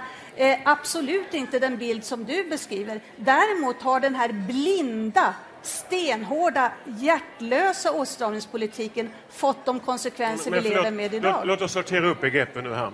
I Spanien, eller Portugal eller Grekland hamnade du i stora problem därför att du hade löst alla andra problem tidigare genom att du lånade och lånade och skapade större och större underskott och en gigantisk skuldbörda. Och till slut så ville ingen låna pengar till dem. Och då är er lösning på det problemet att om man har för stora underskott och för stora lån, då ska man ta sig ur de problemen genom att låna ännu mer. Men hade det varit så att vi hade kunnat lösa Europas problem genom underskott, då hade Europa inte haft några problem. För om det är någonting vi har gott om så är det underskott. Den lösningen funkade inte. Och då måste man göra andra grejer. Man måste anpassa sig till vad man har råd med. Och så måste man genomföra alla de här reformerna. Bekämpa korruptionen, skapa bättre institutioner och förändra arbetsmarknaden och skapa mer konkurrens, bättre förutsättningar för företagande. Vi ska Ja, men jag måste bara få Ja. säga det att du ger en fullständig vrångbild av vad socialdemokrater i Sverige skulle tycka om detta. Vi har en egen praktik eh, som handlar om att vi har klarat att göra det i Sverige och vi vill ha samma modell i, i, i Europa. Så hanterar man krisen. Det handlar ju inte om underskott. Det handlar ju om vilka villkor som eh, man tillåter banker och andra att, eh, eh, att sätta åt de här länderna med.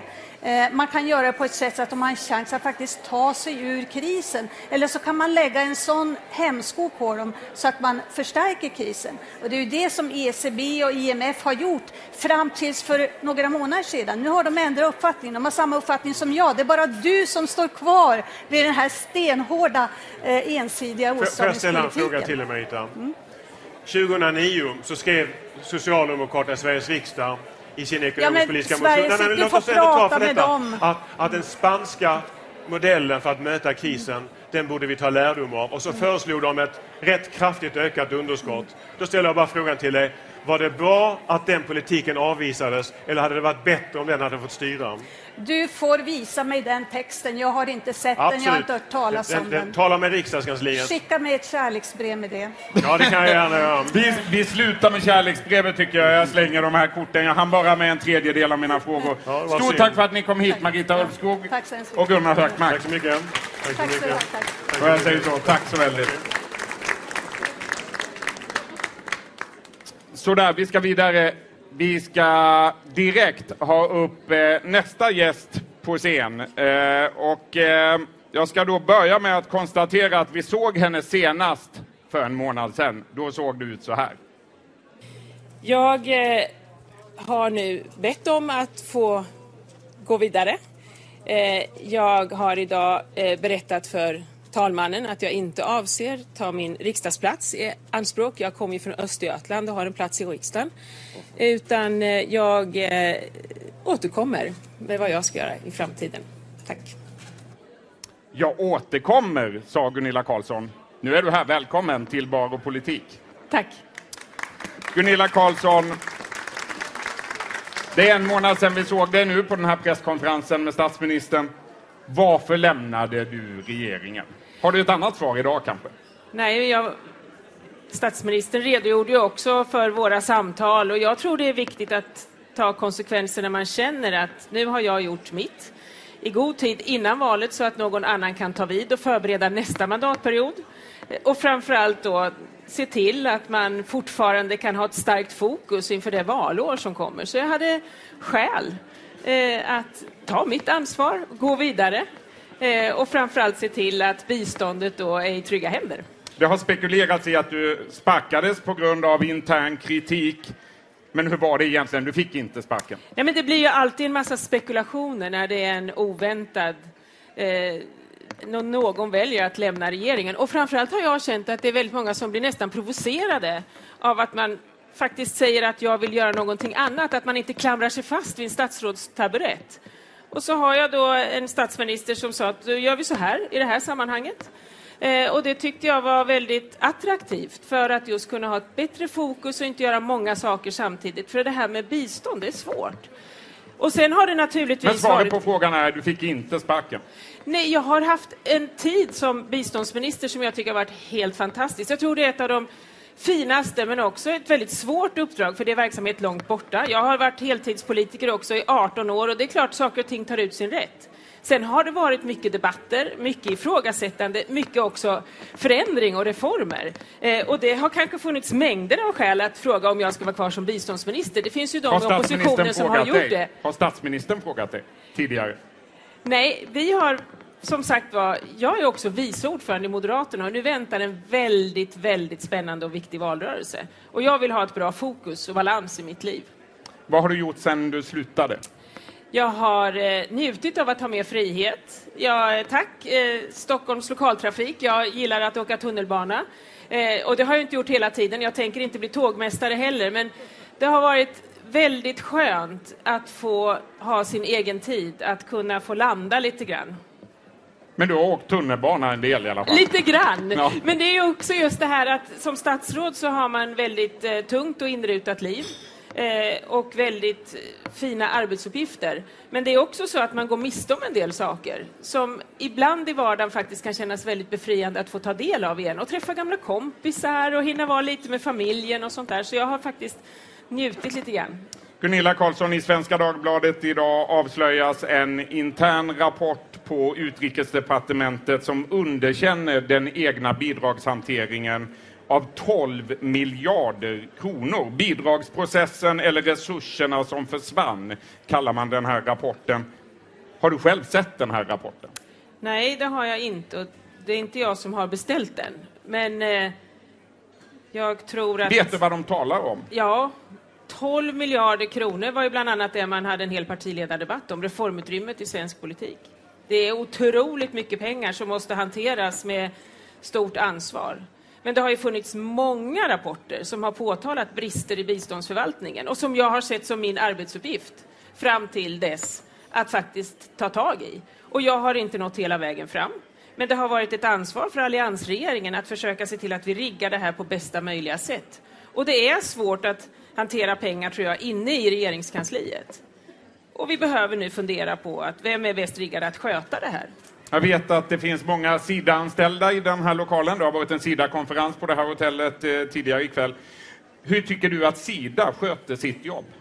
Mycket bra. Jag har till och med stått på Sida, så att för, jag tror för många sidaiter är det ingen överraskning att jag har sagt att successivt har vi haft en översyn av den svenska biståndsförvaltningen. Och vi har gjort den enkla delen av det. Det har handlat om Sida, ihop med den nya Sida-ledningen.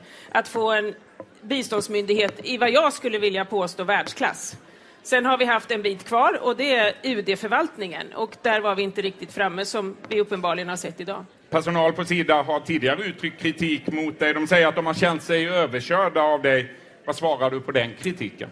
Ja, jag tror det kanske alltid finns några som tycker det är svårt med förändring, ökade krav och vi ska inte underskatta heller vilka förväntningar det finns på svenskt bistånd. Det är svårt. Och det är svårt tror jag, för enskilda befattningshavare, men det är svårt för hela politikområdet, för drömmarna och förväntningarna på vad man ska kunna åstadkomma är väldigt stora. Och det är klart att det här förändringstrycket som nu har varit har också varit att en del människor kanske har känt att det går för fort eller man gör fel saker. Men jag har haft ett mandat att förnya.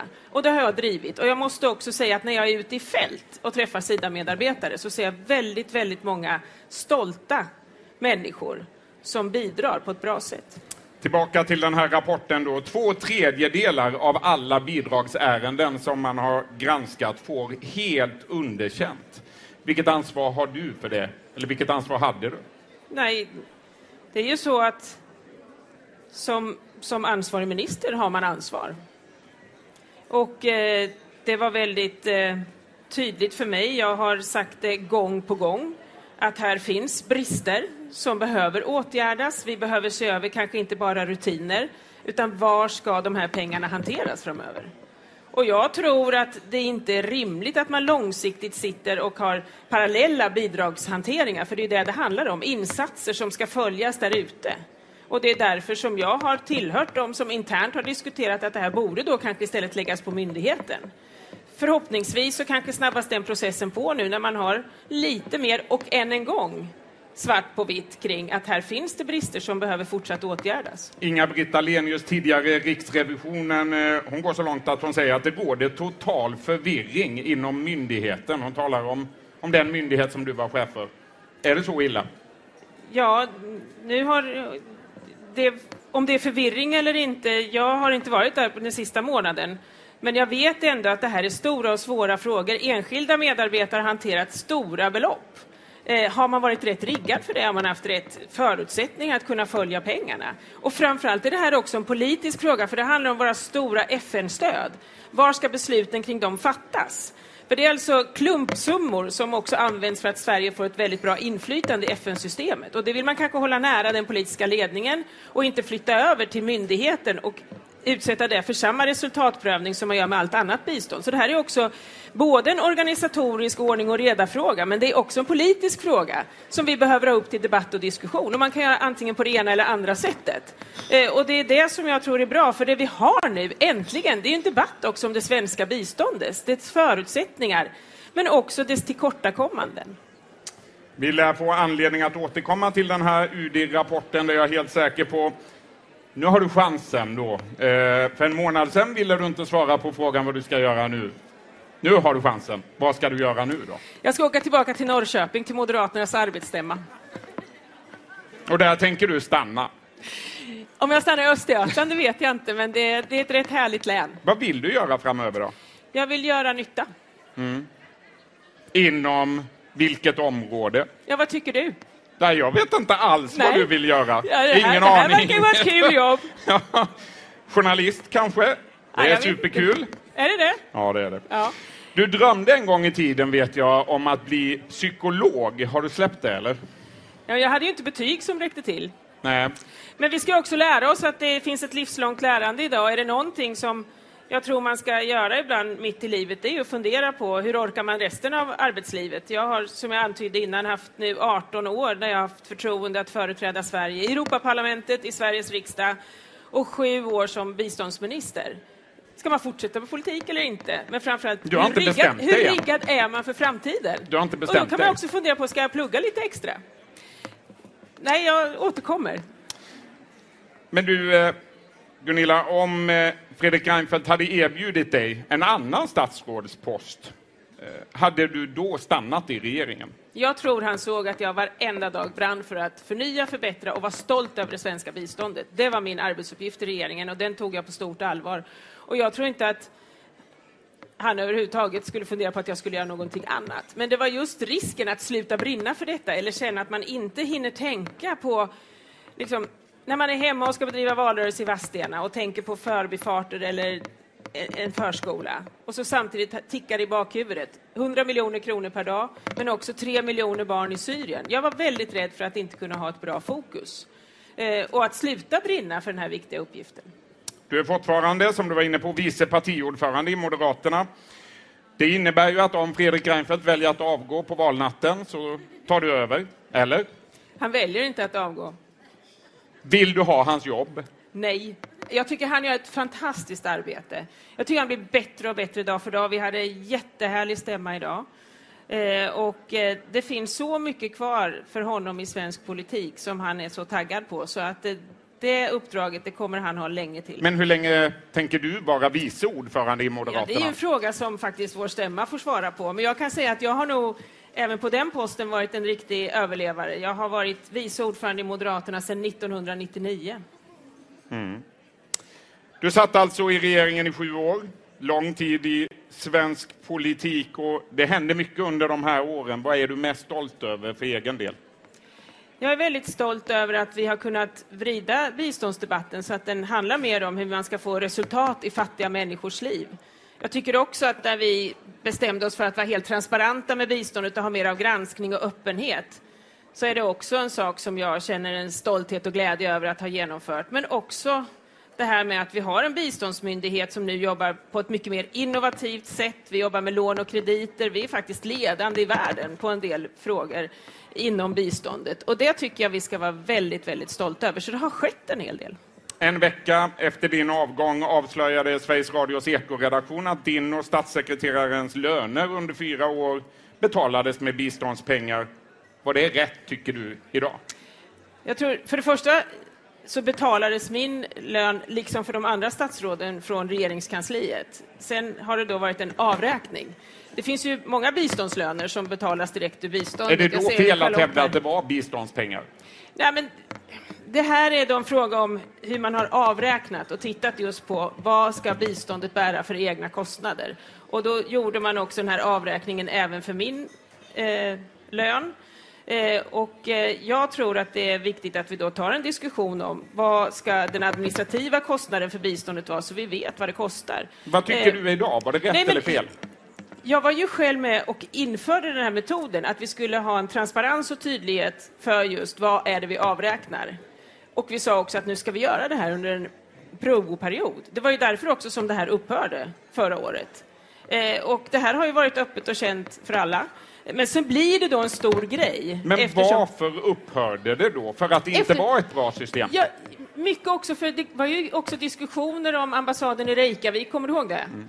Och då liksom så gjorde vi om. Alltså vissa saker blir inte rätt, då får man väl göra om dem i så fall. Så det blev fel? Det var fel? Jag, jag tycker att eftersom vi upphörde med det och också hade en diskussion om vad som är rimligt.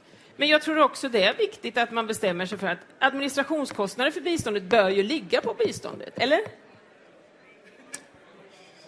Tycker du det? Ja, men jag tycker så här att... Är det vad du kommer att svara konstitutionsutskottet när du alltså kommer dit? Det, det får vi, jag tycker det, det får konstitutionsutskottet bedöma om det här har varit i enlighet med de regelverk som finns. Det är väl konstitutionsutskottets roll. Och då finns det ju ett internationellt regelverk som vi har försökt att följa och varit transparenta med. Om det sen är feltolkat, ja då får man ju titta på det i KU. Men jag tror det är viktigt att säga att Sidas generaldirektörslön betalas av biståndet. Min lön betalades inte av biståndet, men den avräknades biståndet. Och det blir ju då Hur ser du på att. Miljöpartiet har anmält dig och eh, Carl Bildt till Ja, men det är ju sånt konstitutionsutskottet? konstitutionsutskottet ska användas för. Och sen så får vi KU se om man tar upp det till granskning eller inte. Men vi måste ju slå vakt om KUs roll.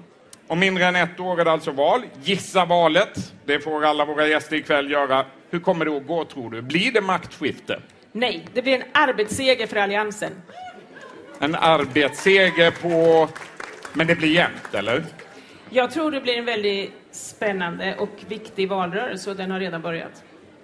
Du, till sist då, Gunilla Carlsson, under eh, Almedalsveckan i somras dansade du på scen. Jag tror det är Kent Persson, han står här bakom. Det var jag som tog den här bilden.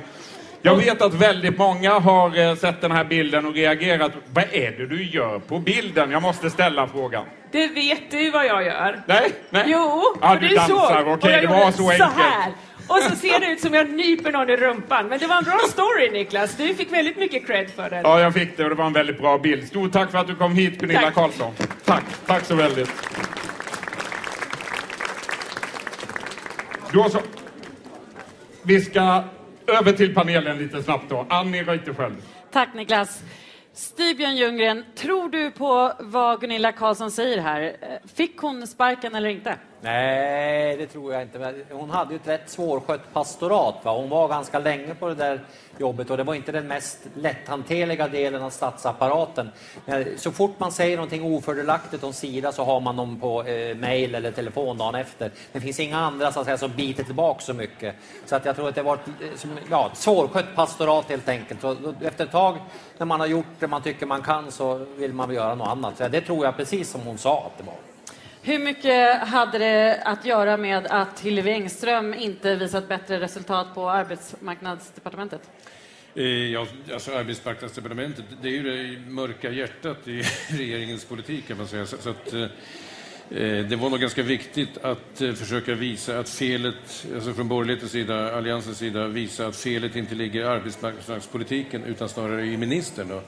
Det tror jag var tankegången där. Eh, men jag gläder mig åt varje borgerlig minister som får avgå. Det är ju liksom det som håller mig uppe på dagarna kan jag säga. Så att eh, det, det kändes ju väldigt bra. Så jag är glad över henne också att hon avgick. Och jag kommer att bli ännu gladare när Reinfeldt tvingas avgå nästa år.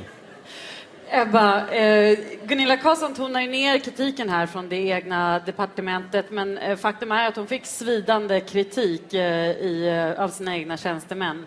Hur allvarligt är det? Kan man sitta kvar med den typen av kritik?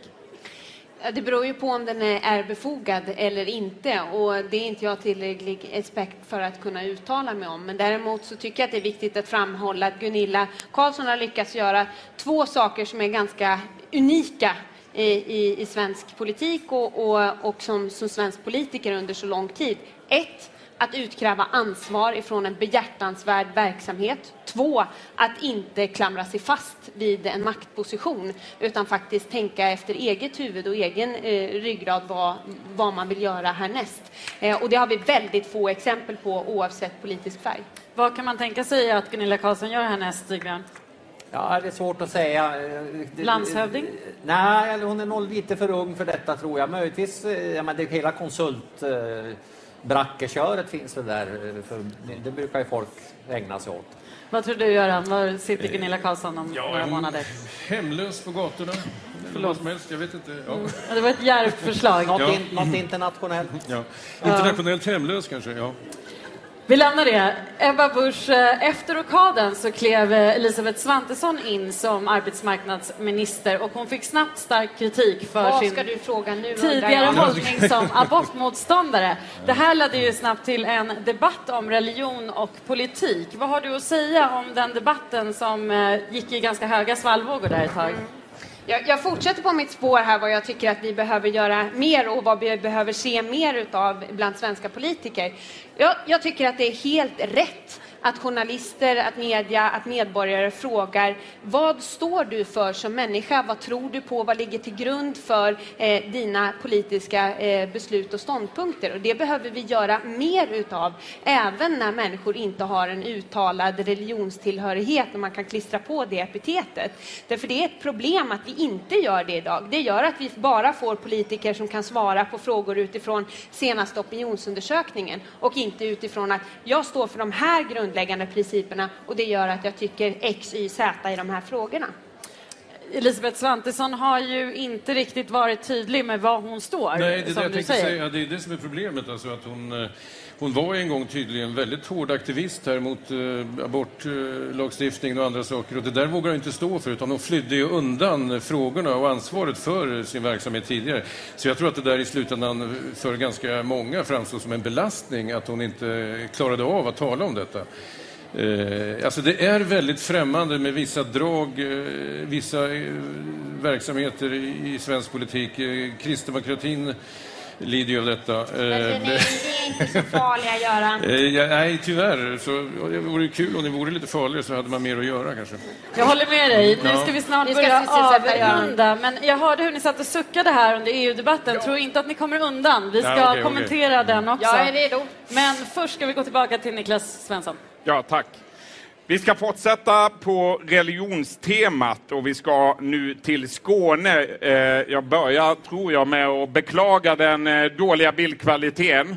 Någonstans där i bild har vi eh, den nya ärkebiskopen. Jag säger välkommen till Bar och politik. Antje Jackelén, du är med oss nu ifrån Fränninge kyrka utanför Ystad, tror jag, där en rockmässa avslutades för bara en liten stund sedan. Först, grattis till eh, nya uppdraget då som eh, ärkebiskop. Tack så Rock- mycket. Rockmässa, det låter det. Vad har du varit med om ikväll? Ja, jag har varit med om fullt hus i kyrkan, uh, mycket blandade åldrar och en egentligen vanlig mässa i Svenska kyrkans ordning med kyrkokör men också med mycket rockmusik. Du, Antje, du tar över som eh, ärkebiskop den eh, 15 juni nästa år när eh, Anders Weiryd eh, går i pension. Vilka frågor kommer du att driva framöver? Ja, som du säger, jag tillträder ju först om åtta månader. Så det är ju nästan som en graviditet som jag har framför mig. Så jag har inte något färdigt program ännu. Men Åtta månader är väldigt, väldigt lång tid. Det har vi förstått av den här kvällen. Ja, just det. Eh, Sådant färdigt program har jag ännu inte, men jag tror att jag kommer att arbeta ganska mycket i kontinuitet med hur jag arbetat nu som biskop Lunds stift. Du, Antje, du är eh, Sveriges första kvinnliga ärkebiskop. Spelar det egentligen någon roll att du är kvinna i den här rollen? Ja och nej. Alltså det har ju uppmärksammats väldigt mycket eftersom jag är den första kvinnan på den här posten. Samtidigt så är det ju nog så att det är kombinationen av rollen, uppdraget och personligheten som, som är mer avgörande och där är kön bara en del av personligheten. Vilken roll anser du då att eh, Svenska kyrkan ska spela i ett modernt samhälle? Ja, Svenska kyrkan ska vara kyrka i kritisk solidaritet med samhället. Vad betyder det? Ja, det betyder att kyrkan ska vara just kyrka. Kyrkan ska utstråla gudstjänstglädje och ha en stark diakoni. Kyrkan ska vara en plats där samhället kan komma i dialog med sig själv.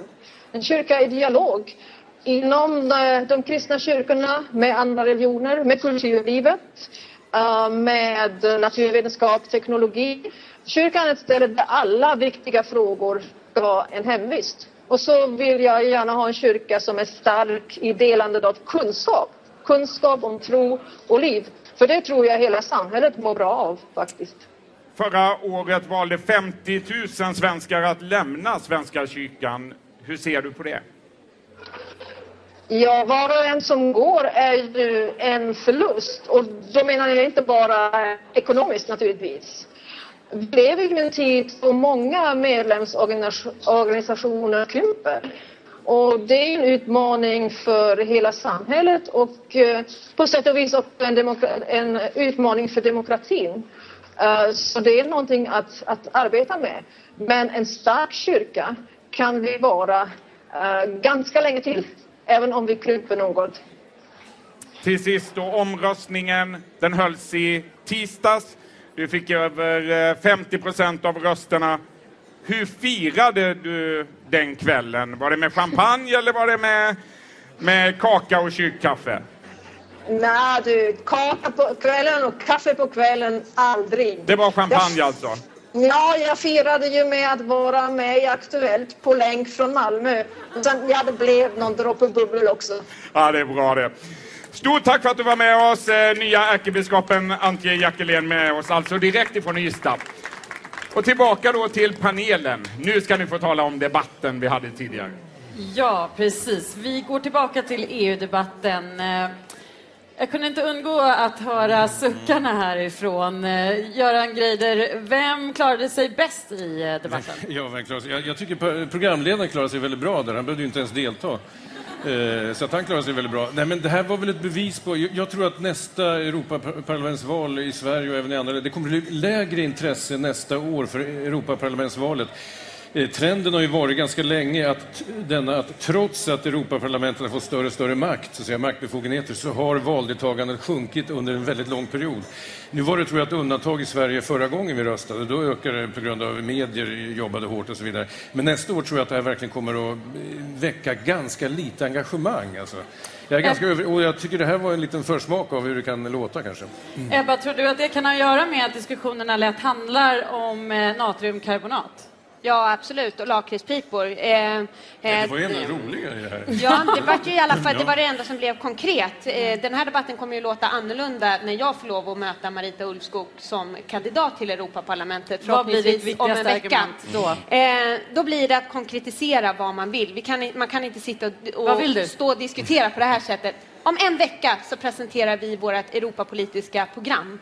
Eh, och eh, det kommer... Men nu är du helt okonkret. Vad vill du? Ja, men den är ju inte offentliggjord än. Nej, men du har- måste ha så till skillnad från Stefan Löfven som inte kan ge ett eh, datum för när det presenteras så kan jag säga att det blir den 25 oktober nästa vecka. Då kommer konkreta förslag på ett, hur vi kan få fler i arbete över landsgränserna på samma sätt som vi har underlättat för möjligheten att kunna utbilda sig över gränser.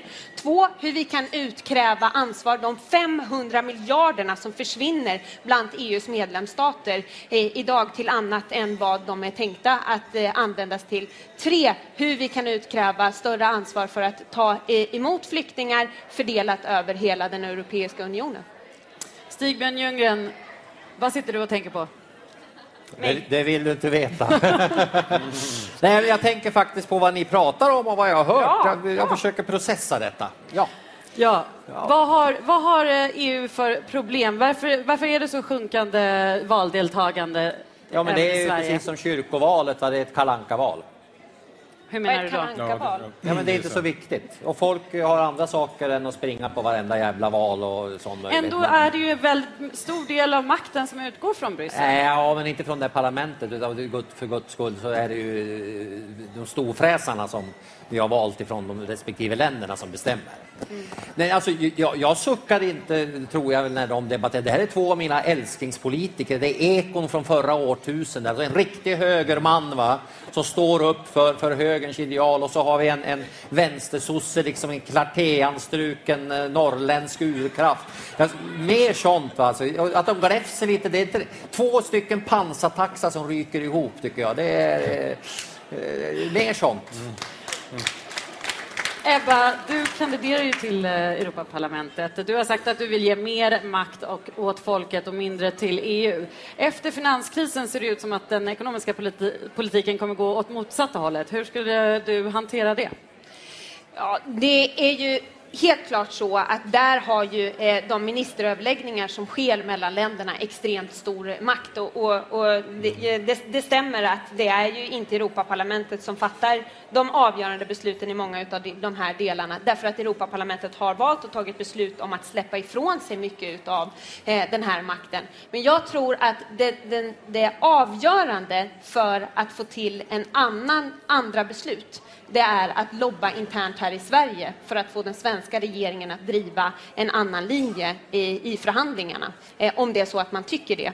Eh, därför att det är där många av den typen av eh, beslut faktiskt tas. Och det är ett problem när man lyssnar på den här debatten, att man refererar till olika värderingar. Då röstade du så, och då röstade du si och så. Det är ingen av oss här i rummet som har koll på det, gemene man. Eh, och det tror jag blir den viktigaste uppgiften eh, som jag har tänkt åtaga mig om jag får det förtroendet. Att se till att man i Sverige vet vad, vilka omröstningar som är på gång i Bryssel och att i Bryssel driva den linje vi har sagt att vi ska driva i Sverige. På det ämnet, eh, vad tror du Göran Greider, kommer eh, Europaparlamentsvalet handla mycket om inrikesfrågor även den här gången? Det kommer, all, det kommer att vara så därför att eh, det, heter, alltså, det är helt enkelt så att Europaunionen är en konstruktion som inte fungerar demokratiskt. Det är bara att konstatera att folk känner sig inte som europeer. Det är bara enstaka folkpartister som, eh, när de drömmer på nätterna som känner sig som europeer. Men i övrigt är det nästan ingen som gör det. Och det är möjligtvis om 200 år kanske någonting, någon sån identitet kommer att uppstå, även om jag tvi, tvivlar på det. Egentligen är det ju så att den stora ödesfrågan för eh, Europaunionen, det är ju helt enkelt den gemensamma valutan. Det är ju det som verkligen avgör hur det går med fråga efter fråga i eh, EU. Och där är det ju ett problem verkligen att det inte finns någon diskussion om... eh, Alltså, det, det borde diskuteras en rationell eh, nedmontering av eurosystemet därför att det ligger som en börda över hela Europaområdet. Det Gunnar. Hökmark menar att eh, eurokrisen inte har någonting med euron att göra. Alltså det, det är att leva i en grotta och jag hoppas han stannar kvar i den grottan på sätt och vis eh, så vi slipper höra det där så mycket. Men det är verkligen systemfel. Alltså. Det är till exempel att det går bra för Tyskland beror på att de seglar i skydd av en undervärderad euro i förhållande till deras ekonomi medan det varit tvärtom för Grekland till exempel. Det är ett systemfel. Ska man lösa det där måste man i så fall skapa en oerhörd superstat med en federal budget som omfattar kanske 10 procent av BNP i Europaområdet. Och det, ska kommer inte inte ha. Nej, och då kan vi inte ha eurosystemet heller. Så att Nej, jag är inte tror för att, det. eh, Nej, det är jättebra. Det är det enda som är bra med dig, men det, det du bra. Får jag hoppa in? Vi Får jag, får jag hoppa in lite? Eh, vi har ju lovat att alla ska få svara på frågan om hur det kommer att gå i valet. Den enda som inte fick frågan det var ärkebiskopen. Jag vet inte, vi får ringa upp och fråga henne sen. Göran Greider, vad säger du? Hur kommer det att gå i valet? Blir det maktskifte? Jag tror att det blir ett maktskifte. Eh, sen är det svårt att sia om eh, vilka regeringskonstellationer det blir, men jag tror att det blir ett maktskifte. Du är inte lika säker som Stefan Löfven? Nej, det är jag inte. Det är hans jobb att vara säker. Det är mitt jobb att vara skeptisk och osäker. Ebba Busch? Och det är mitt jobb att vara en självuppfyllande profetia, så vi vinner valet tillsammans med de tre andra allians. Stig-Björn Ljunggren? Ja, eh, jag tror inte att Socialdemokraterna vinner valet, det gör de inte. Men jag tror att Alliansen förlorar. Och det är Vil- Vilka ska Stefan Löfven bilda regering med då? Ja, det tror jag kommer att bli en glad överraskning för alla som är kvar i den här mentala härdsmältan som blockpolitikens konfigurering innebär. Är blockpolitiken död? Nej, alltså, därför att vänster-högerskalan dör aldrig helt enkelt. För det handlar om de stora frågorna, fördelningspolitik, skatter och alltihop. Så vänster-högerskalan dör aldrig. Nej, och, därmed, skalan, men blocket. nej, men, och, och därmed kommer det alltid att finnas förmodligen någon typ av blockbildningar. Det tror jag vi får utgå ifrån. Ja, men den stora jokern i sammanhanget är ju i vilken mån som eh, stålrörsdemokraterna kommer att, hur många procent de får. Alltså, Sverigedemokraterna. Det är ju det som är den oerhörda frågan här egentligen. Eh, som kan omöjliggöra majoritetsregeringar. Det är det som är problemet. Jag ska eh, smita emellan med en liten tweet här som Christian Westling skriver. Stridshingstar och pansartaxar, mycket nya begrepp den här veckan. Ja, ja, ja, eh, men jag tycker vi saknar Ebbas förslag här till att vi ska prata mer om åsneföl. Va? Det missade jag. Ja, nej, men när Jesus Hon skulle... har ju faktiskt förlöst ett får en gång, eller ett lamm. Ja, var det inte så? när- när Jesus skulle... Jaha, det var när Jesus skulle i... Nej! Nej! Det var inte du. Nej, det var det inte. Det var inte du. Herregud, nu gör jag bort mig. Det var Liberala ungdomsförbundets ordförande. Henne kommer vi Ja, säkert att vi se någon kristdemokrater framtida inte panel håller här. inte med på sådana saker. Ja. Klockan är så mycket så att vi måste börja avrunda. Vi rättar oss där. Ebba Busch har inte förlöst något lamm. Det var Nej. Liberala ungdomsförbundets ordförande som gjorde det. Okay. Stort tack ska jag säga till panelen för att ni var här. Vi ska också lägga till att det har varit en väldig trafik på Twitter eh, den här kvällen. Eh, För en liten stund sedan eh, fick eh, den tidigare biståndsministern Gunilla Carlsson beröm av Sida-chefen på Twitter. Ni läser det eh, under hashtaggen barpool. Där hittar ni också mycket annat förstås. Och Modo vann. Modo vann. Fantastiskt. Men hur mycket då? Ja, det vill jag inte veta. Nej. Ja, när klockan är då eh, 21 och eh, 38 har det blivit dags att eh, börja avrunda den här säsongspremiären av eh, Bar och politik. Vi har mött förra biståndsministern Gunilla Carlsson, Socialdemokraternas partiledare Stefan Löfven. Vi har hört Marita Ulvskog och Gunnar Hökmark debattera. Vi har pratat med Sveriges nya ärkebiskop. Och vi har haft den här fantastiska panelen på plats. Den 13 november är vi tillbaka igen. Då sänder vi ifrån Sundsvall. Kristdemokraternas partiledare Göran Hägglund kommer vi då att möta, liksom nya arbetsmarknadsministern Elisabeth Svantesson. Vi träffar socialdemokraten Mikael Damberg. Och eh, det blir utfrågning av Per Schlingman. Panelen den, i det programmet består av Elisabeth Thand Ringqvist från Företagarna, Jens Spendrup från Svenskt Näringsliv och Tobias Baudin från LO. Då ska jag säga tack till alla er som har samlats här på Clarion Sign vid Norra Bantorget i Stockholm. Och framförallt stort tack till alla er som har tittat på denna sändning. Redaktör har varit Joel Holm. Projektledare har varit Elsa Falk. Producent Mikael Koff. Vi tackar alla för intresset. Strax får ni en nyhetsuppdatering ifrån eh, Anna Jernberg Karlsson i programmet som heter Primetime. På återseende säger vi va? Det gör vi. Stort tack!